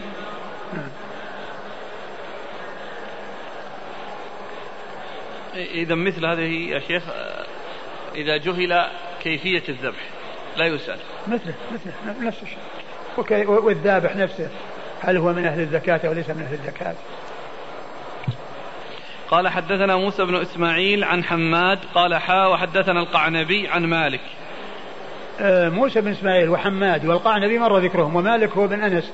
إمام دار الهجرة المحدث الفقيه الإمام المشهور أحد أصحاب المذاهب الأربعة المشهورة من مذاهب أهل السنة وحديثه أخرجه أصحاب الكتب الستة. قال حا وحدثنا يوسف بن موسى. قال حا وحدثنا يوسف بن موسى وهو ثقة صدوق وهو صدوق أخرج له البخاري وأبو داود والترمذي والنسائي في مسند علي وابن ماجه. البخاري وأبو داود والترمذي والنسائي في مسند علي وابن ماجه. عن سليمان بن حيان. عن سليمان بن حيان وهو أبو خالد الأحمر.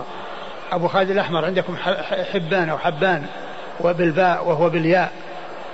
آه سليمان بن حيان أبو خالد الأحمر وهو صدوق يخطئ. صدوق يخطئ. أخرج له. أخرجه أصحاب كتب الستة. ومحاضر. ومحاضر ابن آه، مورع. ابن مورع وهو صدوق له أوهام أخرجه البخاري تعليقا ومسلم وأبو داود والنسائي. صدوق له أوهام أخرجه البخاري تعليقا ومسلم وأبو داود والنسائي. المعنى عن هشام بن عروة. عن هشام بن عروة وهو ثقة أخرجه أصحاب كتب الستة. عن أبيه عن عائشة. عن أبيه عروة بن الزبير آه، ابن العوام ثقة فقيه أحد فقهاء المدينة السبعة في عصر التابعين أخرج له أصحاب الكتب الستة. عن عائشة. عائشة أم المؤمنين رضي الله تعالى عنها وأرضاها الصديقة بنت الصديق وهي واحدة من سبعة أشخاص عرفوا بكثرة الحديث عن النبي صلى الله عليه وسلم. ولم يذكرا عن حماد ومالك عن عائشة. ولم يذكرا عن حماد ومالك عن عائشة. يعني أن آه، أن اسم موسى بن إسماعيل الذي روى عن حماد والقعنبي الذي روى عن مالك لم يذكر عن عائشة في الإسناد وإنما ذكروه عن عروة مرسلا يعني ذكروه عن عروة مرسلا عن عروة أن أناسا. وأما يوسف بن بن موسى. نعم. وأما يوسف موسى فهو الذي جاء من طريقه مسندا وجاء في من طريقه ذكر عائشة. جاء من طريقه ذكر عائشة رضي الله عنها وأنه مسند متصل مرفوع إلى رسول الله صلى الله عليه وسلم غير مرسل. نعم. ترك التسمية على الذبيحة. سهوا أو ترك عمدا. ترك التسمية على الذبيحة بعض أهل العلم أجازها سواء كانت عمدا أو سهوا. ومن العلماء من أجازها إذا تركت سهوا دون العمد. إذا تركت سهوا دون العمد. ومن العلماء من منعها إذا تركت سهوا أو عمدا. إذا تركت سهوا أو عمدا. يظهر لكم رجحان أحد القولين؟ والله الذي يظهر أن أن أن أنه السهو هذا ما فيه إشكال. السهو ما فيه إشكال. وإذا تركت عمدا يعني كثير من العلماء قالوا بأنها تحل. ولكن يعني جاء نصوص يعني تدل على أن اسم الله يذكر. فالذي يدل, يدل يعني يدل عليه النصوص أنه آه الذي آه يتسامح فيه هو السهو آه النسيان. سواء الذبيحة أو أو الصيد. الذبيحة أو الصيد نعم. الصيد إذا كان نسيانا آه، يحل. وأما إذا كان عمدا لا يحل. لأنه جاء فيه يعني تنصيص على أنه يذكر اسم الله. قال رحمه الله تعالى باب في العتيرة قال حدثنا مسدد قال حا وحدثنا نصر بن علي عن بشر بن المفضل المعنى.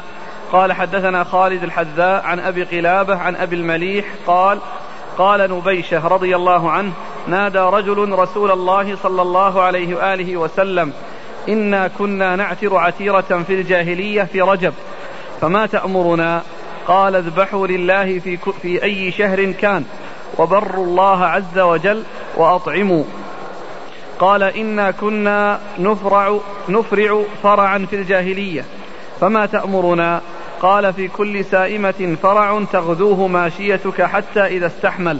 قال نصر استحمل للحجيج ذبحته فتصدقت بلحمه. قال خالد أحسبه قال على ابن السبيل فإن ذلك خير. قال خالد قلت لأبي قلابة كم السائمة؟ قال مئة. ثم ورد أبو داود باب في العتيرة. والعتيرة هي الذبيحة التي تذبح في رجب أو في أوائل رجب وكانوا يفعلون ذلك في الجاهلية.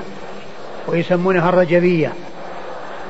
و يعني كان يعني ذلك في أول الإسلام سائغا ثم جاء ما يدل على منعه حيث جاء يعني أنه لا فرع ولا عتيرة. وأن الذبح يعني يكون يتقرب الله عز وجل بالذبح في جميع أيام السنة. لا يخص وقت معين وهو أول شهر رجب. أو أوائل شهر رجب أو العشر الأول من شهر رجب كما كان في الجاهلية يعني يذبحونها لآلهتهم في آه، في العشر الأول من رجب. فجاء الإسلام بأنها تذبح في أي وقت. ويتقرب الله ويتقرب الله عز وجل بالأعمال الصالحة وبالذبائح في أي وقت. فالإنسان يذبح لله عز وجل ويتصدق على الفقراء والمساكين ويحسن إليهم باللحم لا بأس بذلك في أي وقت. لكن لا يكون ذلك خاصا برجب. أورد أبو داود حديث نبيشة. نبيشة ابن عبد الله رضي الله عنه. قال إنا كنا نعتر. نادى رجل رسول الله صلى الله عليه وسلم إنا كنا نعتر عتيرة في الجاهلية في رجب فما تأمرنا؟ قال نادى رجل رسول الله صلى الله عليه وسلم قال يا محمد إنا كنا نعتر في الجاهلية عتيرة في رجب فما تأمرنا؟ يعني هل نبقى أو هل نعمل بذلك أو نترك؟ هذا هو مقصد السؤال. فقال آه اذبحوا لله اذبحوا لله في كل شهر. في كل شهر. في أي شهر كان؟ في أي شهر كان. يعني ليس خاصا برجب. يعني هذا الذي كان في الجاهلية في رجب لا يصار إليه ولا يتقيد به وإنما يتقرب الله عز وجل بالذبح في أي وقت. والإنسان يتقرب الله عز وجل بذبيحة يتصدق بها على الفقراء والمساكين في أي في أي شهر من السنة. لا يكون ذلك خاصا في رجب. وبروا الله عز وجل وأطعموا. وبروا الله عز وجل يعني يعملوا البر لله عز وجل. نعم. وأطعموا يعني تصدقوا وأحسنوا. نعم. قال إنا كنا نفرع فرعا في الجاهلية فما تأمرنا؟ قال إنا كنا نفرع فرعا في الجاهلية وهو ذبح أول آه، نتاج السائمة. أول نتاج آه، الشاة أو آه، الناقة. يعني يريدون من ذلك يعني رجاء البركة يعني في نسلها وفي أول شيء تلده يذبحونه. أول شيء تلده يذبحونه تبركا يرجون البركة يعني في نسلها حيث يذبحون أول شيء منها. وكانوا ذلك يفعلونه في الجاهلية تقربا لآلهتهم. فجاء الإسلام بجواز ذلك ثم منع. بحديث لا فرع ولا عتيرة. نعم. قال في كل سائمة فرع تغزوه ماشيتك حتى إذا استحمل. قال نصر استحمل للحجيج ذبحته فتصدقت بلحمه. قال آه في كل سائمة فرع. في كل سائمة فرع. في كل سائمة فرع يعني ولد يعني آه تغذوه ماشيتك يعني آه يحتمل أن يكون تغذوه ماشيتك. يعني ماشية تغذوه ماشيته يعني معناه أنها آه، آه، معلوم أن الماشية تغذيه بالحليب. أو تغذوه ماشيتك يعني كما تغذي ماشيتك. يعني تعلفه كما تعلف ماشيتك.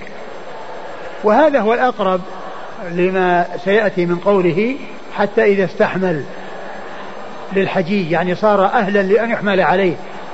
ومعلوم أن هذا لا يكون إلا بالإعلاف كما تعلف الماشية. وليس ذلك بكون أمه ترضعه ويشرب حليب أمه لأنه لا يكون يحمل بمجرد آه، كونه آه، أمه أرضعته. لأنه لا يزال صغيرا لا يستطيع الحمل لا يستطيع الحمل ولا ولا ولا, يصح للركوب. وإنما المعنى الثاني وهو أنه أنك تغذوه يعني كما تغذي ماشيتك تعلفه كما تعلف ماشيتك. حتى إذا استحمل قال بعض الرواة للحجيج يعني للحجيج يعني جو حاج يعني أنه يحج عليه ويركب عليه ويستعمل في الحج وغير الحج.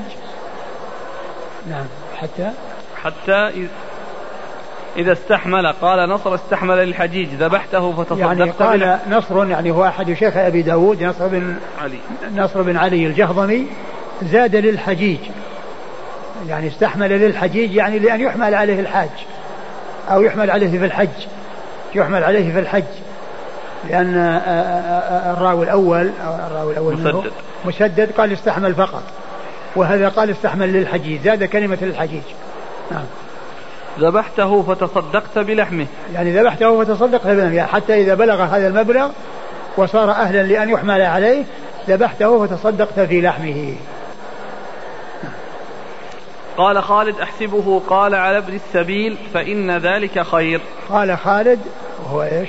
الحذاء. نعم. قال خالد هو الحذاء. أحسبه قال على ابن السبيل يعني بدل تصدقت به أنه أضيف إليه التقييد على ابن السبيل تصدقت به على ابن السبيل. آه. فإن ذلك خير. فإن ذلك خير. نعم. قال خالد قلت لأبي قلابة كم السائمة؟ قال مئة. قال أبو قلابة قلت قال خالد, قال خالد قلت لأبي قلابة كم السائمة؟ الذي جاء في الحديث في كل سائمة. فرع. قال مئة. نعم. انتهى. نعم. وهذا المقصود به أن هذا كان في في الجاهلية ثم جاء في أول الإسلام ثم إنه منع بقوله لا فرع ولا عتيرة.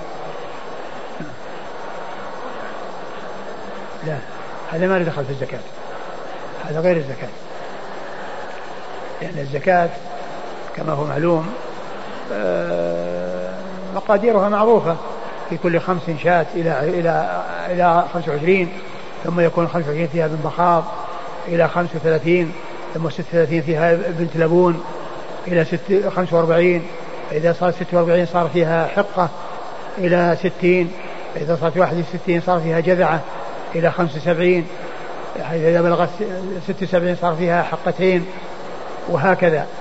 يعني فالزكاة مقاديرها معروفة وأما هذه يعني هذا الفرع الذي هو الذبح الذي كانوا يذبحونه في الجاهلية وجاء الإسلام وأقره في أول أمر وبعد ذلك نسخ. نعم. الآن في كل سائمة فرع تغذوه ماشيتك حتى إذا استحمل ذبحته فتصدقت بلحمه. يعني كأنه يشير إلى أن الأفضل أنك ما تذبحه وهو صغير تنتظر حتى يكبر. هذا هو هو هذا هذا هو الذي يدل عليه الحديث. آه. وهذا كان في أول أمر نعم. قال حدثنا مسدد قال حا وحدثنا نصر بن علي. نصر بن علي ابن نصر بن علي يعني اسمه واسم أبيه مطابق اسم جده وأبو جده نصر بن علي ابن نصر بن علي وهو ثقة أخرجه أصحاب كتب الستة. عن بشر بن المفضل. عن بشر بن المفضل وهو ثقة أخرجه أصحاب كتب الستة. عن خالد الحذاء. عن خالد بن مهران الحذاء وهو ثقة أخرجه أصحاب كتب الستة. عن أبي قلابة عبد الله بن زيد الجرمي ثقة أخرج له أصحاب كتب الستة. عن أبي المليح. عن ابي المليح وهو أسامة نعم. ابن أسامة نعم. ابن عمير وهو ثقة أخرجه أصحاب الكتب. ثقة ثقة؟ نعم. ثقة أخرجه أصحاب الكتب الستة. عن نبيشة. عن نبيشة بن عبد الله صاحب رسول الله صلى الله عليه وسلم وحديثه أخرجه مسلم وأصحاب السنة. أخرجه مسلم وأصحاب السنة. قال حدثنا أحمد بن عبدة قال أخبرنا سفيان عن الزهري عن سعيد عن أبي هريرة رضي الله عنه أن النبي صلى الله عليه وآله وسلم قال لا فرع ولا عتيرة. ثم ورد أبو داود حديث أبي هريرة أن قال لا فرع ولا عتيرة. يعني لا فرع ولا عتيرة يعني في الإسلام. يعني كان هذا سائغا في أول الأمر فنسخ قوله لا فرع ولا عتيرة. وأن هذا الذي كان معمولا به في الجاهلية لا يعمل في الإسلام. نعم. قال حدثنا أحمد بن عبدة. أحمد بن عبدة الضبي وهو ثقة أخرج حديثه. مسلم وأصحاب السنن. مسلم وأصحاب السنن. عن سفيان عن الزهري. عن سفيان وهو بن عيينة. وإذا جاء سفيان مهمل غير منسوب يروي عن ابن عيينة فالمراد به الزهري فالمراد به فالمراد بن عيينة. إذا جاء سفيان غير منسوب فالمراد به بن عيينة. إذا كان يروي عن الزهري. نعم. عن الزهري. عن الزهري محمد بن مسلم بن عبيد الله بن شهاب الزهري ثقة أخرج له أصحاب الكتب الستة. عن سعيد. عن سعيد بن المسيب وهو ثقة أخرجه أصحاب الكتب الستة. عن أبي هريرة. عن أبي هريرة وقد مر ذكره. قال حدثنا الحسن بن علي قال حدثنا عبد الرزاق قال أخبرنا معمر عن الزهري عن سعيد قال الفرع أول النتاج كان ينتج لهم فيذبحونه. ثم ورد أبو داود هذا الأثر الذي ينتهي إلى سعيد و وفيه تفسير الفرع وهو أن وهو, وهو أول النتاج كان يرفع لهم فيذبحونه وهذا يسمونه مقطوع. يعني يكون المتن ينتهي إلى التابع أو من دون التابع. ينتهي إلى التابع أو من دون التابع يقال له مقطوع وهو غير المنقطع لأن المنقطع من صفات الإسناد والمقطوع من صفات المتن. قال حدثنا الحسن بن علي. الحسن بن علي الحلواني ثقة أخرجه أصحاب الكتب الستة إلا النسائي. قال حدثنا الحسن بن علي عن عبد الرزاق. عبد الرزاق هو بن همام الصنعاني اليماني ثقة. أخرج أصحاب كتب الستة. عن معمر عن معمر مر ذكره والزهري مر ذكره. عن سعيد. عن سعيد مر ذكره. قال حدثنا موسى بن إسماعيل قال حدثنا حماد عن عبد الله بن عثمان بن خثيم عن يوسف بن ماهك عن حفصة بنت عبد الرحمن عن عائشة رضي الله عنها أنها قالت أمرنا رسول الله صلى الله عليه وآله وسلم من كل خمسين شاة شاة ثم ورد أبو داود حديث عائشة النبي قال أمرنا صلى الله عليه وسلم من كل خمسين شاة. شاة. شاة. يعني أن هذا في في الفرع. وهذا كان في أول الأمر. يعني كما كما هو معلوم. وبعد ذلك نسخ إلى فرع ولا عتيرة. نعم. قال حدثنا موسى بن إسماعيل عن حماد عن عبد الله بن عثمان بن خثيم. عبد الله مر موسى وحماد وعبد الله بن عثمان بن خثيم هو صدوق خرج البخاري تعليقا ومسلم وأصحاب السنن صدوق خرج البخاري تعليقا ومسلم وأصحاب السنن عن يوسف بن ماهك. عن يوسف بن ماهك وهو ثقة. أخرج أصحاب الكتب. أخرج أصحاب الكتب الستة. عن حفصة بنت عبد الرحمن. عن حفصة بنت عبد الرحمن بن أبي بكر وهي ثقة أخرج أصحاب الكتب الستة. مسلم وأبو داود والترمذي وابن ماجه. مسلم. نعم وأبو داود. مسلم وأبو داود والترمذي وابن ماجه. وابن ماجه. عن عائشة. عن عائشة مر ذكرها. قال أبو داود قال بعضهم الفرع أول ما تنتج الإبل. كانوا يذبحونه لطواغيتهم ثم يأكلونه ويلقى جلده على الشجر والعتيرة في العشر الأول من رجب. ثم ذكر أبو داود رحمه الله يعني هذا التفسير للفرع وهو أنه أول نتائج السائمة وأنهم يعني يذبحونه ويعلقون الجلد على الشجر وأن العتيرة هي تكون في العشر الأول من رجب. وهذا كان في الجاهلية وكان في أول الإسلام ثم نسخ. جزاكم الله خيرا وبارك الله فيكم ونفعنا الله وقتم باب في العقيقة انتهى الباب. نعم. والله تعالى أعلم وصلى الله وسلم وبارك على نبينا محمد وعلى آله وأصحابه أجمعين.